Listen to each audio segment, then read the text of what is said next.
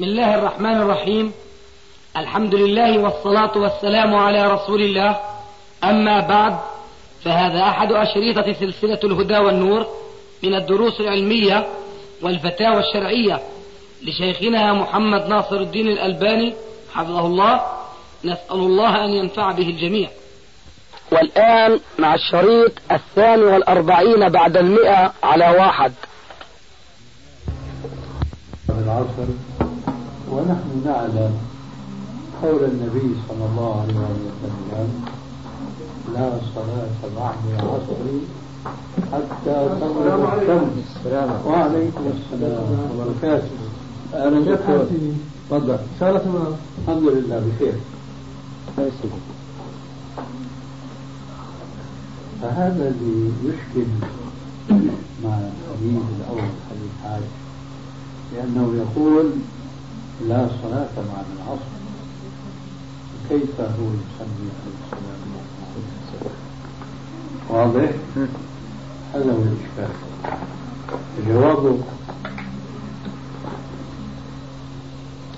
من ناحيتين الناحية الأولى وهي الآن لأنها تتعلق بنا نحن المتبعين للرسول عليه السلام تتعلق به وله خصوصية.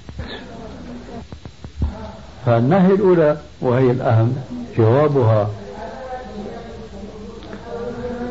أن حديث لا صلاة بعد العصر حتى تغرب الشمس من العام المخصوص. مفهوم هذا الجواب من الناحية الفقهية العام المخصوص عام نعم. يعني هذا الحديث عام وله تخصيص في مكان آخر. تمام. مخصصه حديث علي رضي الله عنه ومثله حديث أنس بن مالك نهى عن الصلاة بعد العصر إلا أن تكون الشمس مرتفعة نقية واضح؟ هذا الاستثناء يخصص الحديث الأول. الحديث الأول يشمل كل الوقت الذي يلي صلاة العصر. الحديث الثاني بيقول لك لا مش كل الوقت وإنما الوقت الذي تبدأ فيه الشمس بالاصفرار وتتضيق للغروب. وإذا عرفت هذا الحديث عن علي وأنس حينئذ طاح الإشكال. صح؟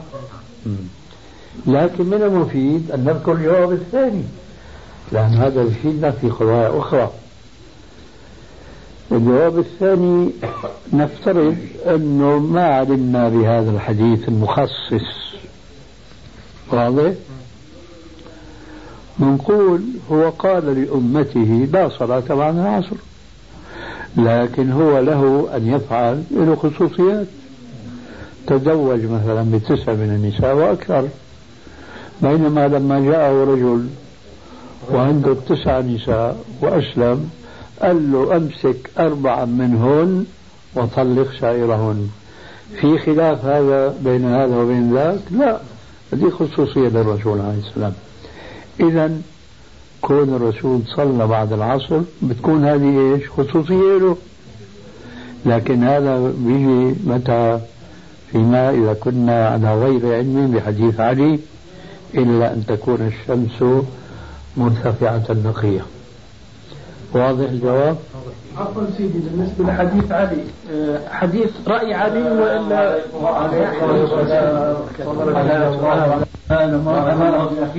هذا؟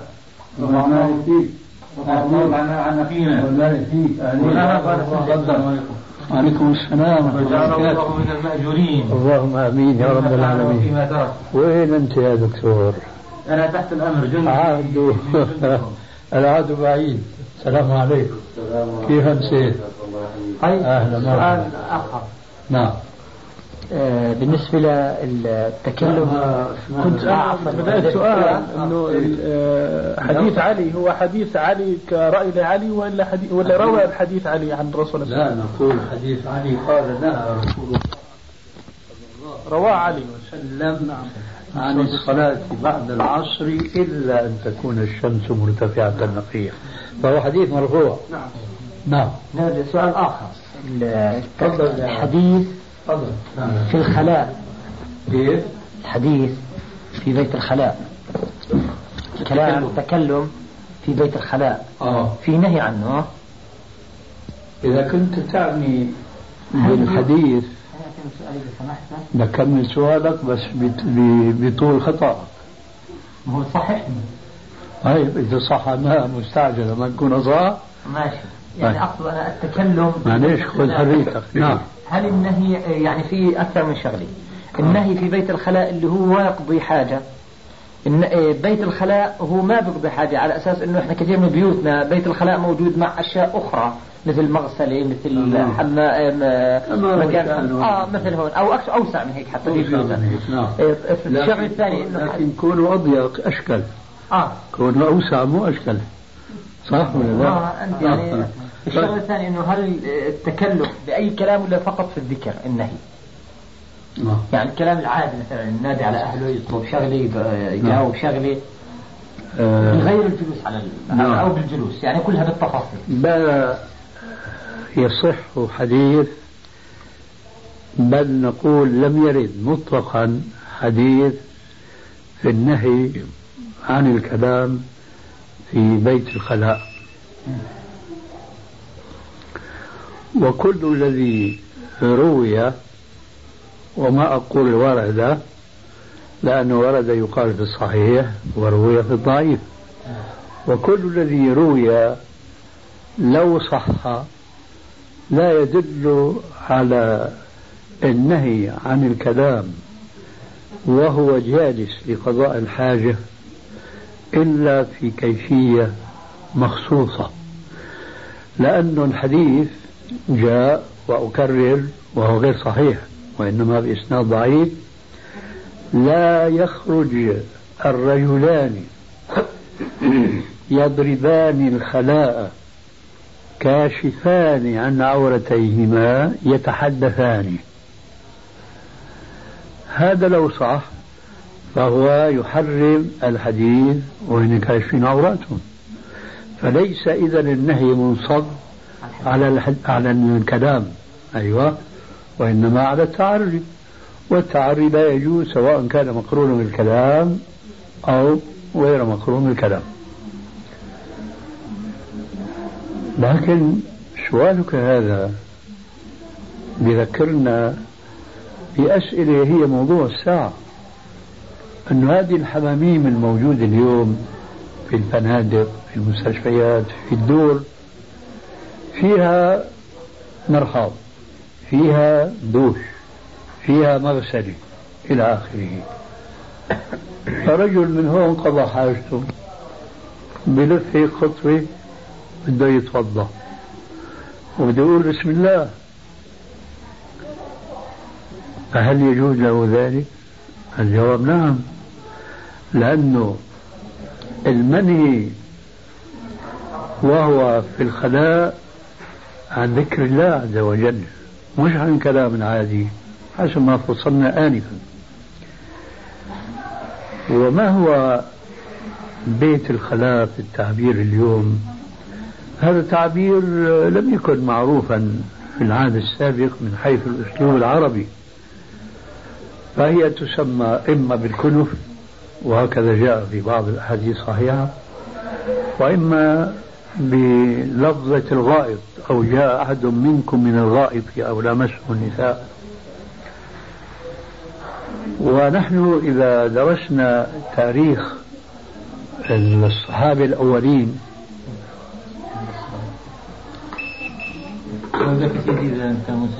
تفضل.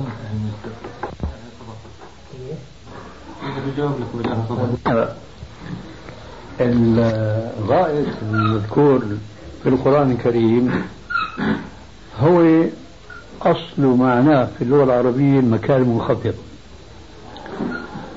ثم سمي مجازا مكان التغوط أي الكريم أي المرحاض أي بيت الخلاء ونحو ذلك من الأسماء. إذا درسنا سيرة الرعيل الأول نجدهم لم يكن في بيوتهم يومئذ الكنوف حتى المرأة كانت إذا أرادت أن تقضي حاجتها.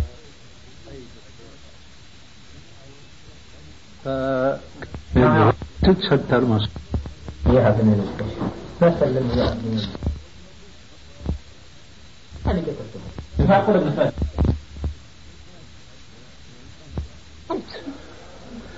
أنه حتى النساء في العهد الأول كانوا يقضون حاجتهم خارج الدار. فكانت تقصد أوطى مكان أخفض مكان هو الغائط. ف... تقضي حاجتها. الآن افترض أن ذاك المكان بعيد عن الدار خمسين خطوة. متى تقول هذه المرأة أو ذاك الرجل حينما يتهيأ لقضاء الحاجة؟ متى يقول الورد المشروع أعوذ بالله من شر الخبث والخبائث؟ متى يقول؟ يا ترى لما بيبدأ يمشي أول خطوة؟ جواب لا. خامس عشرة خمسة عشر لا لا لا.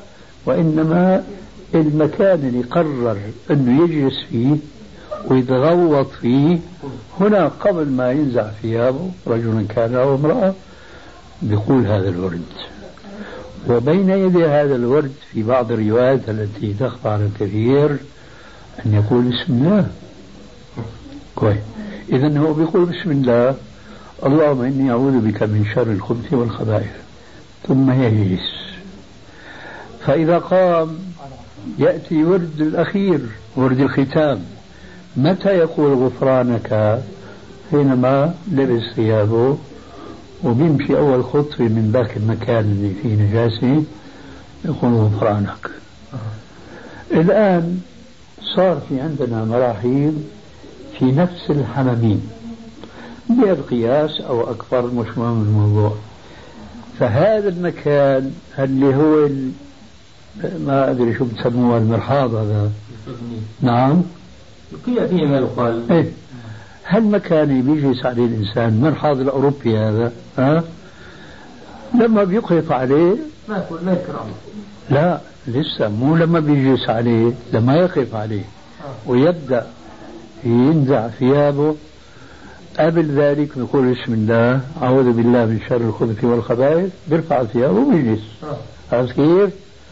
انت قام أرخى ثيابه بيقول غفرانك بيمشي خطوة لوين للمغسلة. بيقول بسم الله بده يتوضأ.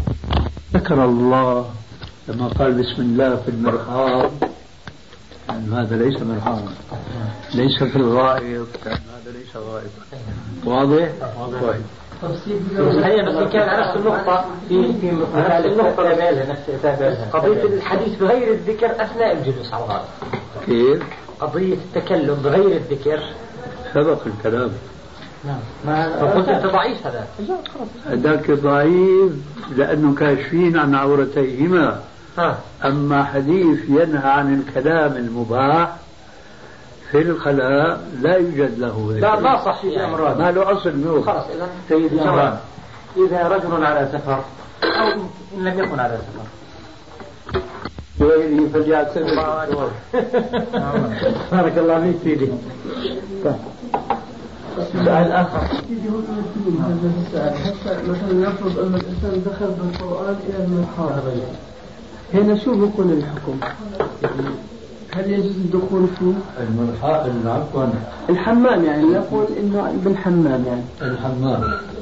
انت خليك على الاولانيه مرحاض يا أخي. يعني هو الان الحمام صار معناه دلالته عامة. تشمل اذا دخلت مشان غسل يديك. نعم نعم. تشمل مشان تعمل دوش. لكن انت قول المرحاض هو بده يقضي حاجته في المرحاض ومعه مصحف. نعم. فهل يجوز؟ الجواب إذا كان هذا المصحف كما هو الواقع غير ظاهر محطوط في الجيب الداخلي من الجاكيت أو من القميص أو ما شابه ذلك فلا شيء عليه. فإذا كان دخوله والمصحف في المرحاض هكذا لا شيء عليه. شو بقى الحمام والمغسله والى اخره وضح كنت أريد أن اسال مرات يكون الواحد معه مصحف وشنطه زي هذه وفي سفر. آه. ويحتاج إلى دخول بيت الخلاء فلا يستطيع أن يتركها في الخارج فلا تسرق نعم. ومصحفه في جيبه أو في الشنطه فهمت هذا الحال أنا فهمت الجواب لا حرج. لا حرج. لا حرج. نعم. الله كنت بدي أسأل عن بعض والله المواضيع. سيدي لأنه ما تملي الانسان من والله ما تمليت أنا كمان أنا جيت في الصباح وجدت الاخت تصلي ثم آه لما علمت في موضوع التشريح الأموات نعم. حديثا ورد عن الرسول عليه الصلاة والسلام كسر عظم الميت ككسره وهو حي. وهناك استدلال بهذا الحديث على حرمة تشريح الميت بغض النظر عن أي أسباب لأن هذا الحديث لم يكن معللا. فحيث إذا انتفت العلة فنقدر نشرح. فما رأيكم في الموضوع؟ رأيي هو كما يدل الحديث لكن بقيد وهو المؤمن. المؤمن كسر عظم الميت المؤمن ككسره حيا. فالتشريح بالنسبة للمسلم لا يجوز إطلاقا لأن فيه تمثيلا. أما بالنسبة لغير المسلم فإذا كان بإذن أهله جاز لأنه ليس له تلك الحرمة التي للمسلم. واضح الجواب؟ مم. تفضل. طيب الآن في شيء اسمه الطب الشرعي. يعني التشريح يكشف الجرائم ويكشف هذا. ما في باب في ال- في السنة يجيز ذلك. هذا ليس طبا شرعيا هذا طب فقهي. عرفت كيف؟ ويجب أن نفرق بين الأمرين يعني بعض الفقهاء خاصة في آخر الزمان يجتهدون اجتهادات بالرأي كما كان يقال عن أهل الرأي قديما في الكوفة. لكن هؤلاء أولا يغلب عليهم البعد عن دراسة الفقه السني وأعني به الفقه المستنبط من السنة لأنهم لا يعنون منذ نعومة أظفارهم إلى أن يتخرجوا دكاترة في الشريعة لا يعنون بدراسة السنة والإحاطة بما فيها من كنوز ومن نصوص. وإنما بيستعملوا بقى رأيهم أن المصلحة بتقتضي هكذا وما دام ما في نص آه، في الشرع يمنع من ذلك هذا في حدود طبعا معلوماتهم. فيفتون بمثل هذه الفتاوى. لكن الآن انظر كيف وقعنا في زمان ما هو منصوص في الشرع لا نعمله ولا نحكمه. وما ليس منصوصا في الشرع أقل ما يقال نجتهد من عنا في سبيل إيش؟ إظهار أنه هالقتيل هذا آه، قتل برصاصة من نوعية معينة. آه هذا الرصاص مثلا من نوعية بيمثل شرطة مثلا بيمثل آه، سفاكي دماء إلى آخره. بتوصلوا من كشف عن نوعية الرصاص إلى تحديد إيش؟ هوية المجرم. كويس. لو قلنا بجواز هذا التحقيق المبالغ فيه بل المتنطع فيه شو ثمرة هذا؟ اكتشفنا في الأخير من هو القاتل. هل يقتل؟ لا يقتل إلا ما نذر جدا لأنه عم تثبت حقائق يقينية ما تحتاج إلى مثل هذه الفحوص الطبية الدقيقة. مع ذلك عم نعطل الأحكام الشرعية. هذا معروف لديكم حتما. طيب إذا شو المقصود من هذا الطب الشرعي؟ كشف المجرم هأي مجرمين بالعشرات كل يوم وما عم نقيم عليهم الحد الشرعي. فاعتبروا يا أولي الأبصار. هذا لو فرضنا أنه ما فيه تمثيل بجثة هذا القتيل أنه فوق ما هو قتل ولقي يعني أجله عند ربه بحق بباطل الله عز وجل هو الذي سيحكم بين الناس. نجي بقى نحن إيش؟ بنشرح فيه. وبنتعلم عليه. ومثل ما قال كما كنا قرأنا في بعض كتب. الأدب. استضعفوك فوصفوك. هلا وصفوا لك شبل الأسد؟ لو واحد له صولة له دولة وما بيستطيعوا يمثلوا فيه التمثيل هذا بيتركوه بيتهموا زيد وبكر وعمر مشان إيش؟ ياخذوا بثأره. فتسمية هذا النوع من الفحص الطبي بالطب الشرعي أقل ما يقال فيه في رأيي تسامح في التعبير. اي نعم. سيدي في لي رد آخر قرأته أو سمعت فيه عن على هذه الناحية مثل الطب الشرعي أو لغاية التعليم الطبي آه. بالنسبة للطب الشرعي يعني المقصود هو ما يلزم القاضي من معلومات ليصدر حكما أو رايا في قضية ما آه. الحكم حتى يصدر القاضي بحاجة إلى بينة وإذا وإذا وجدت بينة غير كافية يستأنس بقرائن. والبينات معروفة في الإسلام من أربعة أنواع مثل الاعتراف وقسم نعم. اليمين والشهادات الموثقة والشهود. وهذه الأمور الأخرى من الأثر أو من الفحص الطبي أو من آه، علامات بقيت في مكان الجريمة تعتبر أو صورة كلها تعتبر قرائن يستانس بها القاضي ولكن لا يمكن الاعتماد عليها في إصدار حكم. أي نعم. فقيمتها أصلا أمام القاضي حتى لو عملت فهي ضعيفة لأنها قرينة وليست بينة. ثانوية كلام سليم. ما في عليه رد ابدا. بس في سؤال آخر عن موضوع ولا تفضل. تفضل لا ما عندي شيء. عن موضوع ما يسمى بالرشوة. إي نعم. آه، قرأت بعض الفتاوي بإجازة إعطاء الرشوة إذا لم تح... إذا لا تحقق مضرة أو أخذ حق إنسان آخر. أيوة. وبعض آخر يقول أن الرشوة حرام لأنها أصلا أتت بحكم عام ولم تخصص ولم تعلل أنها حرام في حالة كذا وكذا فتصبح مباحة إذا لم يحصل كذا وكذا فأي الرأيين أصوب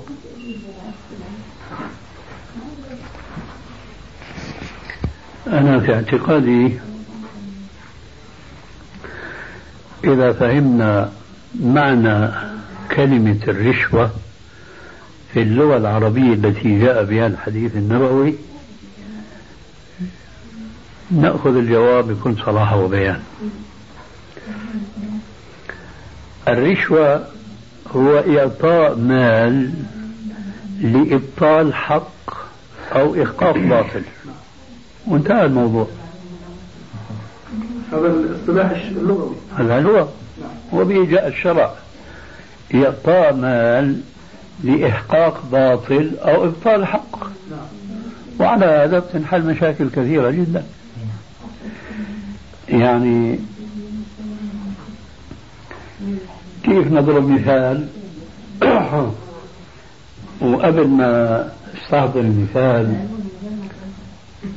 بريد دقق على موضوع إبطال حق أو إحقاق باطل. هذا يقع كثيرا فيما نسمع. الدوري مثلا تعلن مسابقة.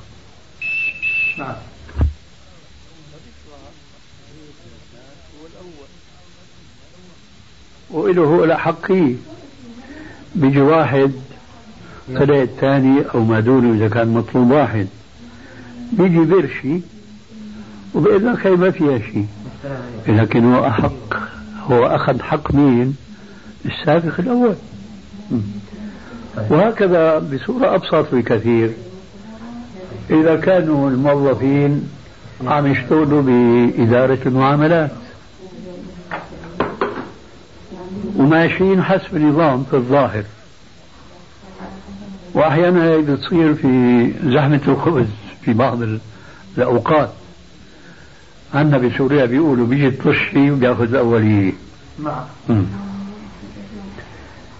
إيه بيقول لك أنا ما ضريت بحدا كيف ما ضريت في حدا اللي رقمه عشرة صار الآن دوره رقم 11 لأنك أنت تقدمت وتأخروا كل هالجماعة. اللي عشرة وتسعة وإلى آخره. هذا في تعدي عن الغير. لكن لو فرضنا شرطي مرور يقينا تعرف أنت وهو أن أنت ما خالفت النظام والقانون لكن بده يجازيك تعرفوا بصير الشيء ولا ما بصير؟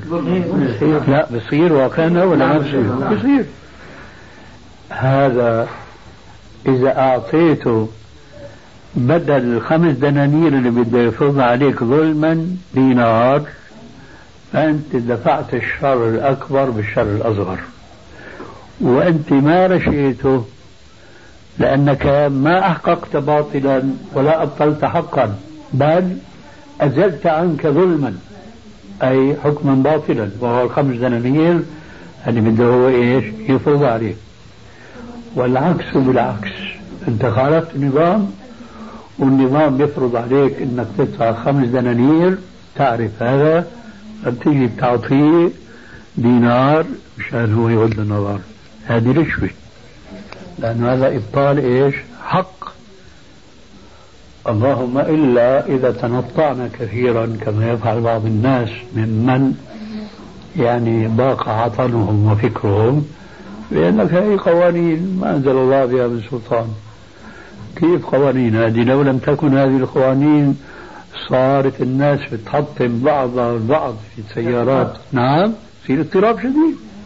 كذلك قل عن نظم الأبنية وما شابه ذلك. فإذا لاحظنا هذا المعنى اللغوي تنتهي المشاكل كلها. الرشوة هو إعطاء مال لإبطال حق أو إحقاق باطل. وحينئذ كفى الله المؤمنين القتال. طيب سيدي مش الأصل في حالة إنه أنا وقعت علي مظلمة ويوميا نرى الظلم بقى علينا آه؟ آه.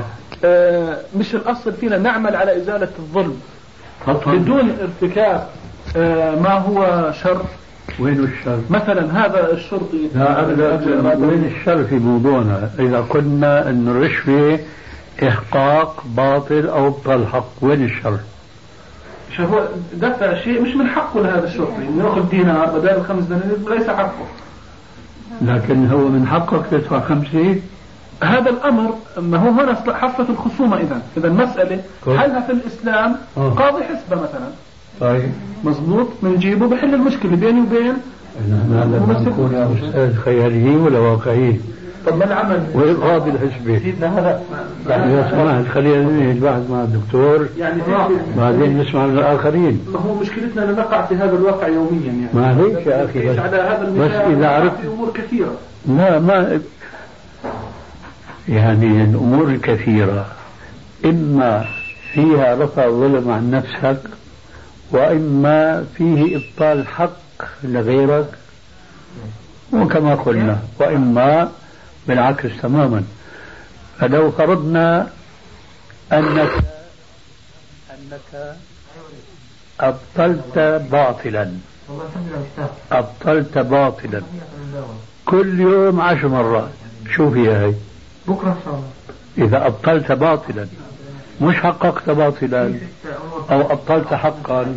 فقضية تكرر الشيء لا ينظر إلى تكرره. وإنما ينظر إلى حقيقة هذا الشيء. هل هو جائز أم غير جائز؟ فإن كان جائزا أول مرة جائز ثاني مرة جائز عاشر مرة جائز وهكذا. وإن كان غير جائز فغير جائز. أبدا. فالآن هنا ما فيها إشكال هذه. وقضية الحس يا أخي.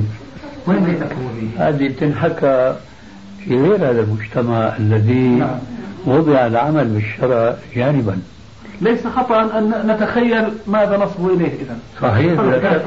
ويجب كما قلنا ويجب كما قلت وقلنا معك يجب أن نعمل لهذا الذي ننشده. نعم. لكن إذا إلى أن نتمكن من ذلك ماذا نفعل في هذه الجزئيات؟ نعم. في هذه الظلامات؟ نحاول تقليلها. والله أنا أرى أن أتحمل الظلم على أن أدفع شيء من هذا القبيل لا بس يعني حتى لو دفعت خمسة دنانير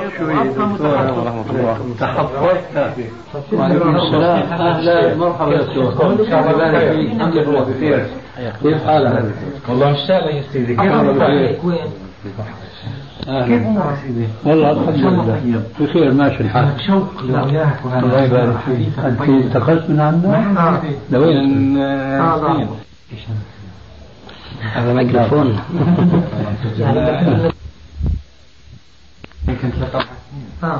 يعني تكلمت كلام الدبلوماسيين بينما المسألة مسألة شرعية نعم جاري هذا. أهلا بحبك عبد الرزاق. يا سيدي أحبكم الله. الله يجمعنا على حبه. بالنسبة لهذا الموضوع بالذات يا سيدنا. والله أنا يعتبر عقلي شوي هاي بنيتوا بي معلش تصبروا علينا. ممكن أن تذكرني ما قلت أخيرا؟ أنت كوني أنا من مؤيد الرأي القائل أن الرشوة حرام بغض النظر عن الواقعة. يعني إذا فيها ظلم أو عدم ظلم للآخرين أو إحقاق حق آه، يقع علي أو على غيري بهذا الأسلوب آه، بظني م- مؤيد للرأي أنه حرام. يعني بتأيد أنك تظل مظلوما. لا أنا أعمل على حل المشكلة جذريا هذه بالطريق الآخر مثل ما تكلمت طريق آخر أما ما في. الجزئيات أبقى صابر عليها طريق ومتحمل آخر ما في عندك. بين ما تقيم دعوة إذا استطعت أن تقيم دعوة خسرت قبل كل شيء أكثر مما حياخذ هذا الإنسان ظلما وعدوانا. وبعدين هات بتحصل حقك كمان ولا لا؟ إلى آخره. نحن بدنا نعالج الواقع. مع ذلك أنا يبدو لي الآن أنك أنت ما اقتنعت ومعليش إذا قلت لي ما اقتنعت لكن بدي اكون أنا على بينة كيف بتفهم أنا وياك. نحن نقول أهل العلم باللغة بيقولوا الرشوة هي إعطاء مال لإبطال حق أو إحقاق باطل. فإذا أنت ما اقتنعت بهذا التعريف تبقى على رأيك. لك لك شأنك. أما إذا اقتنعت بهذا الرأي فهذا يلزمك أن تتراجع عن ذلك الرأي. نعم. أنا صحيح مستند إلى قضية أنه النصوص التي أتت يعني بالتعريف الشرعي وليس اللغوي. سبحان الله وين التعريف الشرعي؟ يعني أقصد الحديث لعن الله الراشي المرتشي والمرتشي والرائش بينهما. الرائش بينهما زيادة ما صحت في الحديث. المهم. وما لنا بهذا الصدد. شو معنى لعن الله الراشي؟ من هو الراشي؟ الراشي الذي يعطي المال. لإيش؟ حدد لك التعريف تبع حدد لك الموضوع الموضوع عليك يعطي المال لماذا يأتيك نحن؟ قلنا قلنا بعد المغرب للدكتور عصام سألته سؤال أجابني. قلت له بارك الله فيك هذا الجواب قاصر لأنه حيضطرني أسألك سؤال ثاني وكل سؤال يكون الجواب عليه محوجا للسائل أنه يسأل سؤال ثاني معنى هذا السؤال كان جواب ناقص. فأنا بقول لك الآن من هو الرائش المذكور في الحديث؟ هو أي أي شخص؟ مش من عندك هذا التعبير ال- حسب القول الشرعي. أنا عم أقول لك اللغة بتقول كذا أنت بتقول لي أي شخص؟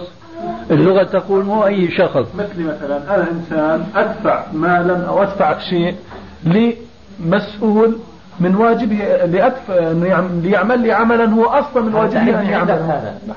ينص يصب في نفس المعنى وإذا- ويمكن يمكن أنا مش حافظ نص تعريف أو كذا لكن هذا ما فهمته أني أدفع شيء لمسؤول لأن يؤدي لي خدمة كي يؤديها أو ليمتنع عن أداء عقوبة علي من واجبه أن يوقعها. هذا بيلتقي معي بارك الله فيك. بالضبط. اسمح لي. بالضبط. طيب بالضبط إذا اختلفنا ولا اتفقنا؟ آه بس الاستثناء هنا إنه ما ما. شوي خلينا في مثالك. هذا الموظف موظف في دائرة من الدوائر. واجبك الآن تعطيه جوازك مثلا ويش أشر لك عليه. هو بيقول لك اليوم وبكرة واليوم وبكرة مشان إيش؟ تعطيه رشوة. هذه الرشوة بياكلها هو حرام. صح؟ لأنه هو واجبه واجبه أنه يقوم بهالوظيفة كويس. أنت على مذهبك الطويل الأمد واللي بده صبر أيوب عليه السلام. بتكم بتروح بتجي وبتروح بتجي وما بعطي دينار. ليش؟ لأن هذه رشوة. يا أخي هذه ليست رشوة. هذه مال يعطى لتحقيق الحق. لا. أنت لك حق عنده. وهو أنه أشر لك على الجواز. هذا تفضل يا أخي. طولت بالك علينا. جزاك الله خير. هذه ممكن يأخر معاملة أخ ثاني لك الموظف نفسه هذا بيأخر معه. لا لا أنا المثال هذا يعني صارت منك وإليك. أنا جبت هذا المثال. تذكر المثال لأن هل إجت طشي وأخذ الاوليه أنت رجعت لها نحن عم نفرض الآن ما في صف. راح لعند الموظف قال له تعال. أيوه. أيوه برضه أنا يعني بجوز مع رأي الدكتور لأنه هذا قد يعطي ضعاف النفوس من الشرطة وغيرهم من الموظفين. إنه يعتادوا على هذا الأمر وتزيد هذه بين الناس. وهذه مرة صار فترة والله هي يمين بالله وقلما أحلف يمين. أتعجب منكم ودكاترة ومثقفين أنكم خياليين. آه طبعا بهالموضوع لك يا رجل لو واحد منكم بيرضى يروح يجي يلعب في هذا الموظف مشان ما يعطي دينار. اولا بيرضى الواحد منكم يفعل هذا الخيالي اللي عم تقرروه إنه هو الشراء. هذا اولا خيال ثانيا خلاف الشرع. هذا بعطيك مثال مثلا على سبيل المثال بتروح على مصر. في أي معاملة أو أي مكان شغلة البخشيش هذه موجودة عندهم. يعني تعودوا عليها. يعني أنا دخلت عندك ممرض وبخدمك إذا ما مدتليش بخشيش أو إكرامية ما أخدمك بالطريقة اللي يجب أنها تكون. نفس العمارة. وهي موجودة من المثال يا أخي. هي عادة. كمان هو بيجيب مثال وهذا بيجيب مثال شو الضابطة؟ شو القاعدة؟ بتبطل أنت تدخل مصر لأنه ما بدك تعطي بخشيش؟ حضور إن شاء الله. شو عم تحكوا يا جماعة؟ والله أمركم عجيب مع أنه الشرع موسع عليكم.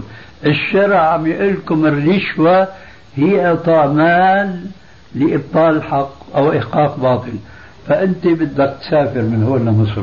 وأخذت التأشيرات اللي بيسموها اليوم قانونية. لما وصلت هنيك وقف في طريقك اللي سميته البخشيش. كويس. ترجع أدراجك حتى ما تدفع جنيه مصري؟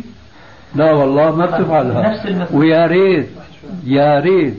يكون هذا في الشرع حرام هذا الدفع لكون أنا معك وأقول بارك الله فيك إذا رجعت أدراجك لكن ليش أنتم ما تضيقوا امرا وسع الله فيه؟ مثل ذاك البدوي. اللي دخل دخل المسجد؟ ولجهله بالشراء كشف ثوبه وشر بهالمسجد. بال. الصحابة هجموا عليه بدهم إيش؟ يا قليل الأدب ما بتستحي هذا بيت الله؟ كذا إلى الرسول عليه السلام وإنك لعلى خلق عظيم.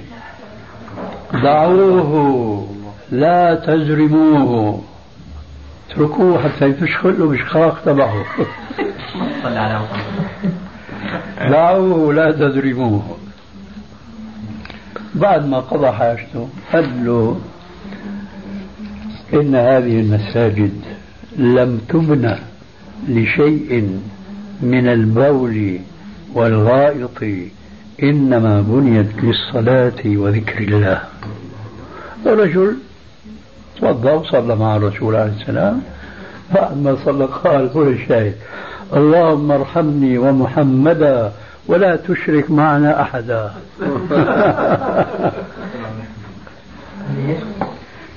شو قال له عليه السلام. لقد حجرت واسعا من رحمة الله. يا جماعة حجرتم واسعا من رحمة الله. الله وسع عليكم لما جعل الرشوة إعطاء مال لإبطال الحق أو إحقاق باطل. فأنت بتيجي بتضرب لي مثال الدكتور بيضرب لي مثال هذا المثال هو أكو ذاك المثال. هذاك وظيفته إنه يمشي له ما عملته ما مشى له إياها.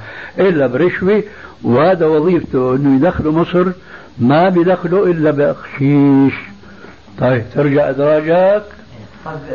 يا ريت يكون عندنا من التقوى ومن الصلاح بحيث إنه نحن نصل إلى هذا الاحتكاك بالحرام.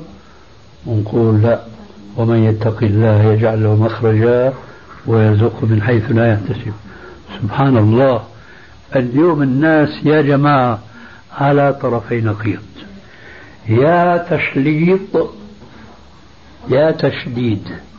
تشليط عندنا معناه إيش؟ خروج عن الشرع. لا مبالاة. تشديد تعسير على الناس. عشرات الأسئلة تأتينا بالشهر الواحد. تارة وجاهة تارة بالتلفون أنا يا أستاذ عندي شوية مال. إذا أنا حطيته في البيت بخاف إنه يتسلطوا عليه اللصوص. ما بيجوز أنا أحطه في البنوك. قالوا لا ما بيجوز. طيب شو بدي أساوي؟ أنا بخاف. طيب شو بتساوي بقوله تعالى ومن يتق الله يجعل مخرجا؟ آية توضع في صدور المجالس لوحة مثل هاي ومن يتق الله يجعل له مخرجا ويرزقه من حيث لا يحتسب. هالآية منسوخة من صدور الناس. ما بيفكر فيها إطلاقا ما بيخطر في باله ولا في خاطره أنه إذا اتقى الله في ماله فربنا بيحفظ له ماله إنما البنك هو اللي بيحفظ له المال. ما بيحط في باله بيجوز البنك كله يطير كله يحلس ويفلس وهذا وقع مرام تكرار لا. إيه في ضرورة هنا. ضرورة تأكل الربا تطعم الربا. بينما مثل المسألة بسيطة. الرشوة إعطاء مال لإبطال الحق أو إحقاق باطل وكفى الله المؤمنين القتال طيب سيدي نفرض أن الموضوع كبرته أنا شوي جزاك الله خير آه بدناش هذا هو نفس القضية نفس القضية البنك الإسلامي يحمل هذا الحكم ها؟ نفس القضية مرة جاءني ضابط ضابط شايف حاله سمعنا عني انه أنا بقول ما بيجوز وزارني في البيت. قال لي بدي اسالك سؤال. قلت له تفضل. قال لي شو رأيك في البنك الإسلامي؟ قلت له شو رأيك في المجتمع الإسلامي؟ عاجبك؟ قال لي لا والله. قلت له لا والله. يعني رأيك أنه يدخل بالربا؟ لافتات كيف لا يا أخي؟ إيه؟ لافتات مصنوعة كثير من الناس يذهبون بدهم سيارة ثمنها مثلا؟ أربعة آلاف مثلا. هن بدهم أربعة آلاف وخمسمية لستة أشهر. إذا قلت له لسنة بصيروا خمسة آلاف الخمسمية بصيروا ألف. بصيروا الأربعة آلاف خمسة آلاف. وهكذا البنى وهكذا كل شيء. يا جماعة هذا هو الربا. لكن بس نحن بنحط إيش؟ المعاملة حيلة لأكل الربا. الله أكبر. رسول الله صلى الله عليه وسلم يقول لعن الله اليهود. حرمت عليهم الشحوم فجملوها ثم باعوها ثم أكلوا أثمانها. وإن الله إذا حرم أكل شيء حرم ثمنه. لعن الله اليهود حرمت عليهم الشحوم. هذا بنص القرآن. فبظلم من الذين هادوا حرمنا عليهم طيبات أحلت لهم. يذبحون الذبيحة الفارهة السمينة مهبرة ومش حميد الشحم لازم يكبوه مثل المصارين والغائط ونحو ذلك. عقوبة من الله بسبب تعديهم. فبظلم من الذين هادوا حرمنا عليهم طيبات أحلت لهم. ماذا فعل اليهود؟ ما صبروا على حكم الله احتالوا عليه. حرمت عليهم الشحوم فجملوها يعني ذوبوها يعني ألقوها في القدور الضخمة وأوقدوا النار من تحتها وسالت أخذت إيش؟ شكلا جديدا. لكن هو الشحم. هو حقيقته الشحم. فسول لهم الشيطان سوء عملهم وأوحى إليهم أنه هذا مو حرام. الحرام أنكم فيه الشحم مثل ما هو على ظهر الدابة يعني أنتم ما بعتوا الشحم كما كان وإنما تعبتوا وعملتوا إلى آخره. نفس الجواب الآن تسمعه من من البنك الإسلامي وغيره بيقول لك في معاملات في كذا طيب يا سيدي نحن بنقول لكم يجوز أن تأخذوا أجرة عن معاملة لكن ليش الفرق؟ هل اللي بده يكتب معاملة لخمسة أشهر بيكتبها لعشرة أشهر لنصف سنة لا سنة شو فرقت معك؟ لا شيء ليش؟ هذا هو الربا كما هو يتعامل البنوك كلها تأخذ 100 دينار لشهر عليهم كذا لشهرين تزداد وهكذا. نعم. التقسيط اذا يعني ما بيجوز التقسيط فإذا مشاكل. كوديعة في البنك الإسلامي. فوديعة في صندوق الأمانات بيجوز أما وديعة خذ المال والعاب في ما شئت ما بيجوز. مصداقا لقولك سيدي في كمان على العقد برضه شبهة من باب آخر وهي بدنا نروح نشتري سيارة البنك الإسلامي ليس مالكا لهذه السيارة. فالاتفاق بيني وبين البنك الإسلامي يقع على شيء لا يملكه. هذا صحيح. على بضاعة في البحر. هذا صحيح دكتور بس هذا عليه جواب. نحن ما نريد نظلم الناس ولا نتحامل عليهم. آه، أنتم بتعرفوا اليوم أن السيارات كل الشركات تضع مواصفات وكتالوجات وإلى آخره. فاذا اشتريت السيارة من ماركه معروفة وموديل موديل معروف وكل المواصفات مسجلة. فهذا مثل بيع السلم. بيع السلم تعرفوه. وهو يسمى بيع السلم أو بيع السلف. قال عليه السلام من أسلف فليسلف في وزن معلوم في كيل معلوم إلى أجل معلوم. مثلا بيجي المزارع عند التاجر بياع الحب عنا بسموه هذا العلاف اللي بيبين علف بقول له أنا السنة بيطلع عندي كذا قنطار قمح. ونوعية القمح يعطي المواصفات المعروفة في البلد. بكم تشتري الآن؟ ولسه الموسم ما جاء. بيتفقوا وياه بطبيعة الحال التاجر والمزارع كلاهما يعلم أنه مش ممكن يبيعوا للتاجر بسعر الموسم. لا إنما هو بأقل حتى يشجع المزارع على الشراء. فإذا كما قال عليه السلام من أسلم فليسلم في وزن معلوم في كيل معلوم إلى أجل معلوم فهذا يجوز عليه كان العمل في عهد الرسول عليه السلام. هل ما بيجوز والذي يدخل تحت قول عليه السلام لا تبع ما ليس عندك؟ هو هذه الحوائج التي يعني تتغير وتتبدل كل لحظة.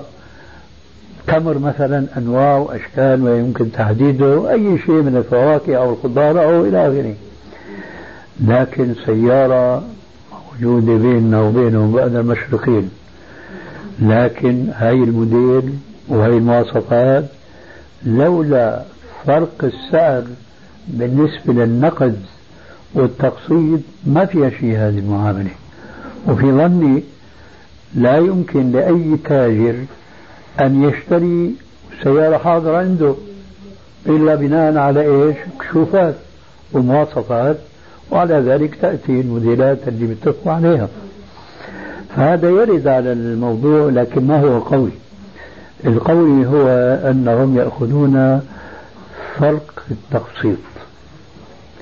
ولا يعرفون سعر واحد اللي هو سعر النقد وسعر التقسيط. لو أنه البنك الإسلامي أو غيره بيجيب السيارات وبيربح عليها. ما في مانع من ذلك بصير هو وأي شركة بمنزلة واحدة. وبعض البنوك في الإمارات العربية هكذا يفعلون. في الكويت مثلا آه، بعض الشركات تستورد لحساب بنك من البنوك سيارات وبتضعها في مكان معين. والبنك بيقول هاي السيارة هاي موجودة شوفها إذا عجبتك فسعرها كذا وكذا. على عينك يا تاجر. هذه ما فيها إشكال إطلاقا لكن إذا قالوا السعر نقدا كذا وتقسيطا كذا خربت العملية. لأنه لما بيقول لك السعر نقدا كذا بلا شك هو عمل حساب دقيق بالكمبيوتر قديش كلفت السيارة؟ وقديش هو بده يربح بالمية خمسة وعشرة؟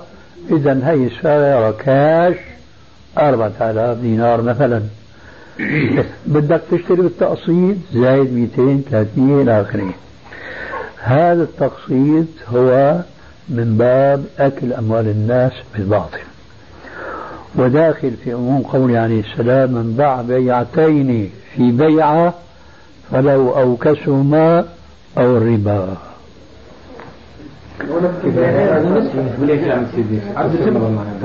عبد تم بيعين أيضا. نعم. تفسير الحديث. أيه نعم.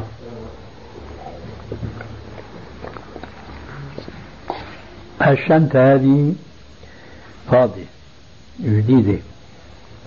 ثمنها كاش عشر دنانير بالتقسيط 12 فإذا أنت اشتريت مني هالشنطة بالتقسيط فأنا لما باخذ عشرة بكون أخذت حقي وإذا أخذت زائد اثنين بكون أكلت الربا من باع بيعتين كاش بعشرة وتقسيط ب 12 فله أوكسهما أي أنقصهما. شو الأنقص هنا؟ العشرة.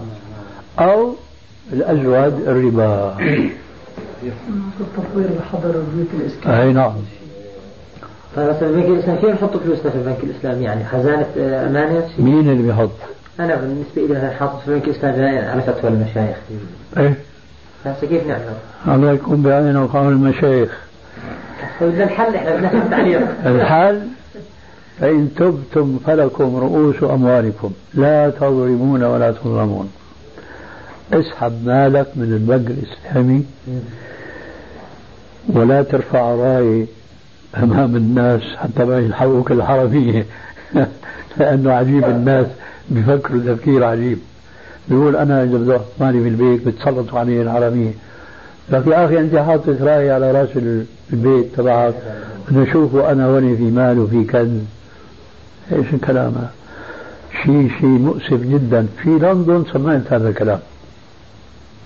انه نحن هون غرباء وإذا ما بدنا نحط أموالنا في البنوك هذول أشقياء وقتلة وسفاكين دماء قلت لهم يا جماعة وين أنتم؟ ماكم مسلمين شو الفرق بينكم وبين الكفار اللي عايشين بين ظهرانيهم؟ وين أنتم آية من يتقي الله يجعل له مخرجا؟ وين أنتم وحديثين من روائع الأحاديث النبوية التي ما سمع بها جماهير المتعاملين مع البنوك ولذلك ضعف إيمانهم بآية ومن يتق الله. الحديث الأول قال عليه الصلاة والسلام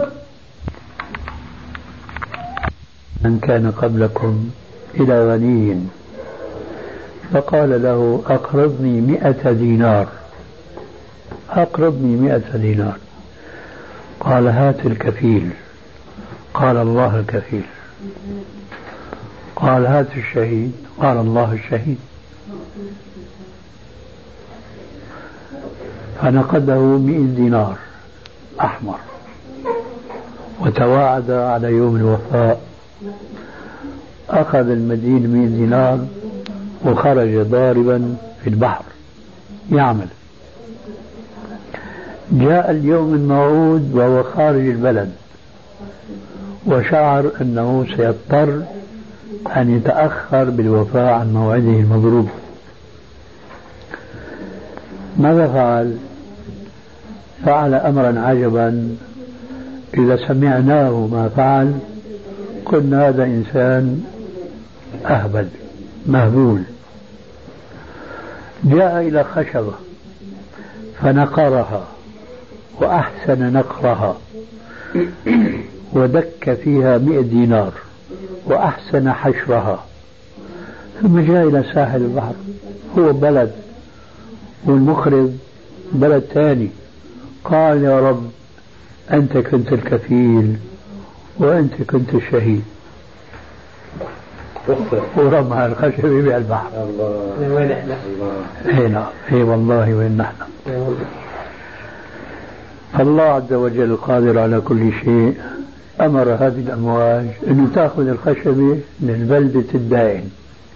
الدائن يخرج حسب الميعاد ينتظر المدين ما تأتي السفينة. لكن يقع بصره على هذه الخشبة والأمواج فتقاذفها بين يديه. فمد يده إليها وإذا هي ثقيلة 100 دينار. ذهب بها إلى الدار كسرها 100 ذهب أحمر. شوية جاء المدين. شو بدنا نقول عن هذا الإنسان؟ درويش درويش لكنه مؤمن بدليل أنه تجاهل ما فعل. لأن الذي فعله مش خاضع للسنن الكونية الطبيعية التي قدرها الله للناس. ما أرسل ببريد مضمون بالبريد المستعجل. لا كل هذه أمور خارقة للعادة فعرف ما فعل ولذلك تجاهل القضية ونقد الدائن 100 دينار. كأنه ما فعل شيئا. شوف إن الطيور على أشكالها تقع. اثنين صالحين.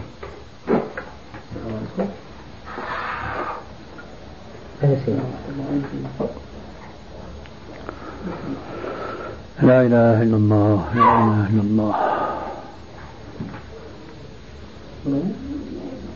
100 دينار. الدائن قبض بالمئة دينار وهو متعجب من الحادثة السابقة. فما وسعه إلا أن يقص عليه قصتها. قال له والله أنا فعلت هذا. لأنه ادركني الوقت. وما استطعت أن آتيك في اليوم الموعود فأجيت أخذت الخشبة ودكيتها وإلى آخره وخاطبت رب العالمين اللي هو كان الكفيل بيننا وشهيد. قلت له أنت الكفيل وأنت الشهيد فالله عز وجل أمن بشهادته وكفالته فوصلها إليك. قال له بارك الله لك في مالك ورجع له إيه؟ في دينار. نحن اليوم نعمل إيه؟ والله إلا ما ندر الدنيا ما بتخلو فعلا لكن هذا نادر جدا. ما حدا شايفه؟ لقط الخشبة هي ما حدا شايفه؟ لو أخذ المية دينار من المدين وسكت. مين راح يقدر يقول أنت أخذت مني 200 هذا شو معنى؟ أن ربنا لما عرف تقوى هذا المدين سخر له البحر. سخر له البحر وحفظ له ماله من أن يضيع. نحن بواسطة البنك القصة الثانية وهي أيضا عجيبة. قال عليه السلام خرج في من قبلكم رجل يمشي في ثلاث من الأرض فسمع صوتا من السحاب اسقي أرض فلان.